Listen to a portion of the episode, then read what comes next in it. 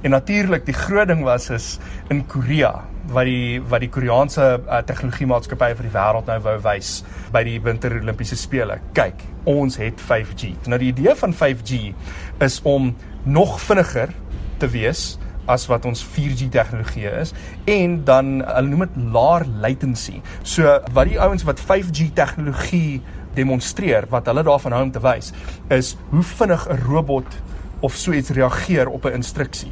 So die aanwendings, die die die doele wat hulle sien vir die tegnologie is byvoorbeeld in karre wat hulle self bestuur, in robotte wat gebruik word in chirurgie.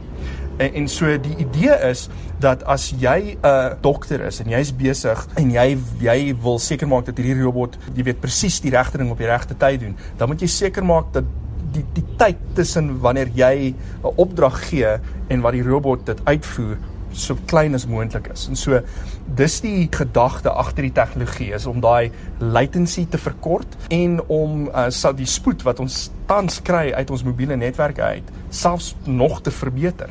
So dit gaan dan seker ander tipe tegnologie aandryf om te verbeter want 'n mens kan van 'n wonderlike netwerk gebruik maak, maar as jou toestel nie goed genoeg is om daardie netwerk te benut nie, dan is dit nie regtig die moeite werd nie.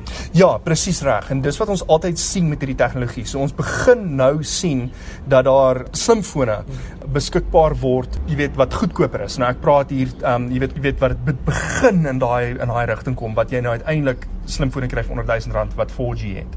En so dit gaan 5G gaan presies dieselfde wees. Dit gaan jare en jare vat vir die tegnologie om in ons alledaagse toerusting ingebou te word.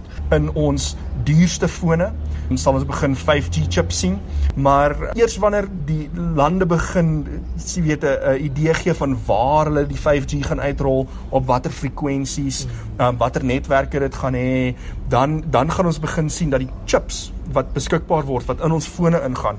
Hulle sal jy sal sien hulle sal bietjie mature en dan ewe skielik sal ons weer in 'n in 'n plek wees soos ons vandag is waar jy weet dit lyk asof 4G eenvoudig aan aan almal beskikbaar gaan word. Ons is ons is op daai nippertjie. Maar hoe word dit in die huidige infrastruktuur geïntegreer? So dit gaan 'n interessante ding wees en dis waar 4G en 5G lyk my nogal baie verskil. So met 4G was daar moontlikheid vir netwerk om hulle huidige frekwensies en hulle huidige spektrum te kan hergebruik as dit nodig was. Met 5G is dit nie regtig ideaal nie. Jy wil wat hulle noem so met ander woorde baie hoë frekwensie spektrum wat geskik is daartoe. Dit wil blyk dat vir 5G om regtig van nut te wees, gaan netwerke hele nuwe stelle spektrum moet kry by hulle lande se reguleerders. Anders dan gaan dit nie regtig lekker werk vir hulle nie.